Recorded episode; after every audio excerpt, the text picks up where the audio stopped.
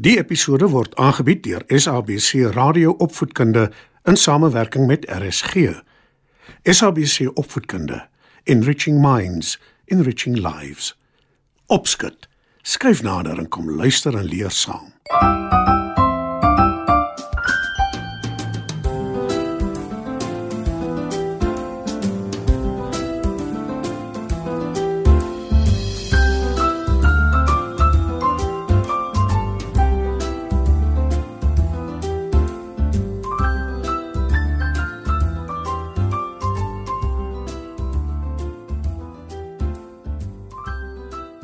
Goeienaand maats. Welkom by nog 'n episode van Opskud. Vanaand se storie is Die skoenmaker en die elfies.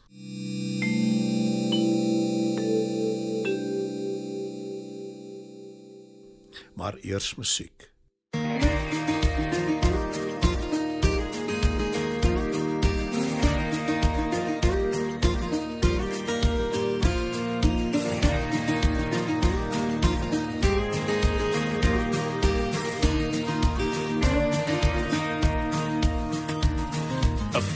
Wol wat knop aan 'n handslam se ster met 'n hoender wat sy kikkel nie wil hê. 'n slag ding wat loop om die huise af en die gans genoeg sy eiers daar kom lê. En jy wil staan toe trek agter mans mense aan. Jy wil my verlaat agter goue goeders aan. Dan moet dit seker maar so wees. Skoenmaker, hou jou by jou lees. Die jaar is verby vanat jy hier weg moes ry. Ek het gou weer my skape loop tel. Jou staatse gedruis teen die stilte van my huis. Laat my glimlag oor my groot verloor. Laat my glimlag van oor tot oor. Jy het staan toe gedruk agter mans mense aan. Jy het my verlaat agter goue goeders aan. Nou is dit goed so gewees. Want die skoenmaker kom anyway die lees. En ek bly jy's nou 'n lady, want jy was toe nooit vir my nie jou staat en sy ligte, jy plaas en sy pligte, jou staat se gevare. Eenmal lank gelede was daar 'n skoenmaker. Hy het saam met sy vrou gebly. Hulle het nie kinders gehad nie. En die twee was nie meer jonk nie en hulle was baie arm. Die skoenmaker moes elke dag 'n paar skoene maak om hulle aan die lewe te hou. Hy het leer gebruik om sy skoene te maak en hulle was baie gewild omdat hulle so goed gemaak is en so lank gehou het. Maar hoe hard hy ook al probeer, die skoenmaker kon nooit genoeg geld spaar om ekstra leer te koop sodat hy genoeg het om meer as een paar skoene op 'n slag te maak nie. Elke aand sny hy die leer en berei dit voor vir die volgende dag. En wanneer hy dan die oggend opstaan, maak hy die skoene. Die skoenmaker is gewoond aan sy rotine en hy kla nooit nie. Maar toe een oggend toe hy opstaan en na sy werkswinkel toe loop, steek hy verbaas vas. Hy sien nie die leer wat hy die vorige aand gesny en reggesit het vir 'n paar skoene nie. Die skoenmaker skrik groot, want hy dink onmiddellik daar was 'n dief in die nag wat dit gesteel het. Wat nou gemaak? Maar toe begin hy rondkyk en tot sy verbasing sien hy 'n paar splinternuwe klaargemaakte skoene. Hy tel dit op en beskou dit. Beter kon hy dit self nie gedoen het nie. Maar hoe op aarde dit gebeur wonder hy? En terwyl hy nog so wonder, stap daar iemand by sy werkswinkel in wat dadelik 'n paar skoene wil hê. Dis dringend, sê die man.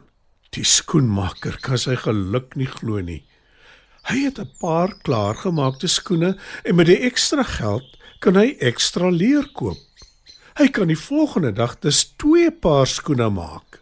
Ek weet nie hoe dit gebeur het nie, maar ek is beslis baie dankbaar, sê die skoenmaker vir sy vrou. Dit moet 'n wonderwerk wees. Dis al wat ek kan dink. Antwoord sy vrou net so verbaas. Die skoenmaker sny toe twee pare skoene uit leer en los dit in sy werkswinkel vir die volgende oggend. En so waar, toe hy die volgende oggend daar instap, is daar twee pare klaargemaakte skoene. Dit gaan vir 'n hele ruk so aan en elke aand word daar nou soos klokslag al meer en meer skoene gemaak. Soveel klaargesnyde stukke leer die skoenmaker in die werkswinkel los, soveel skoene word gemaak.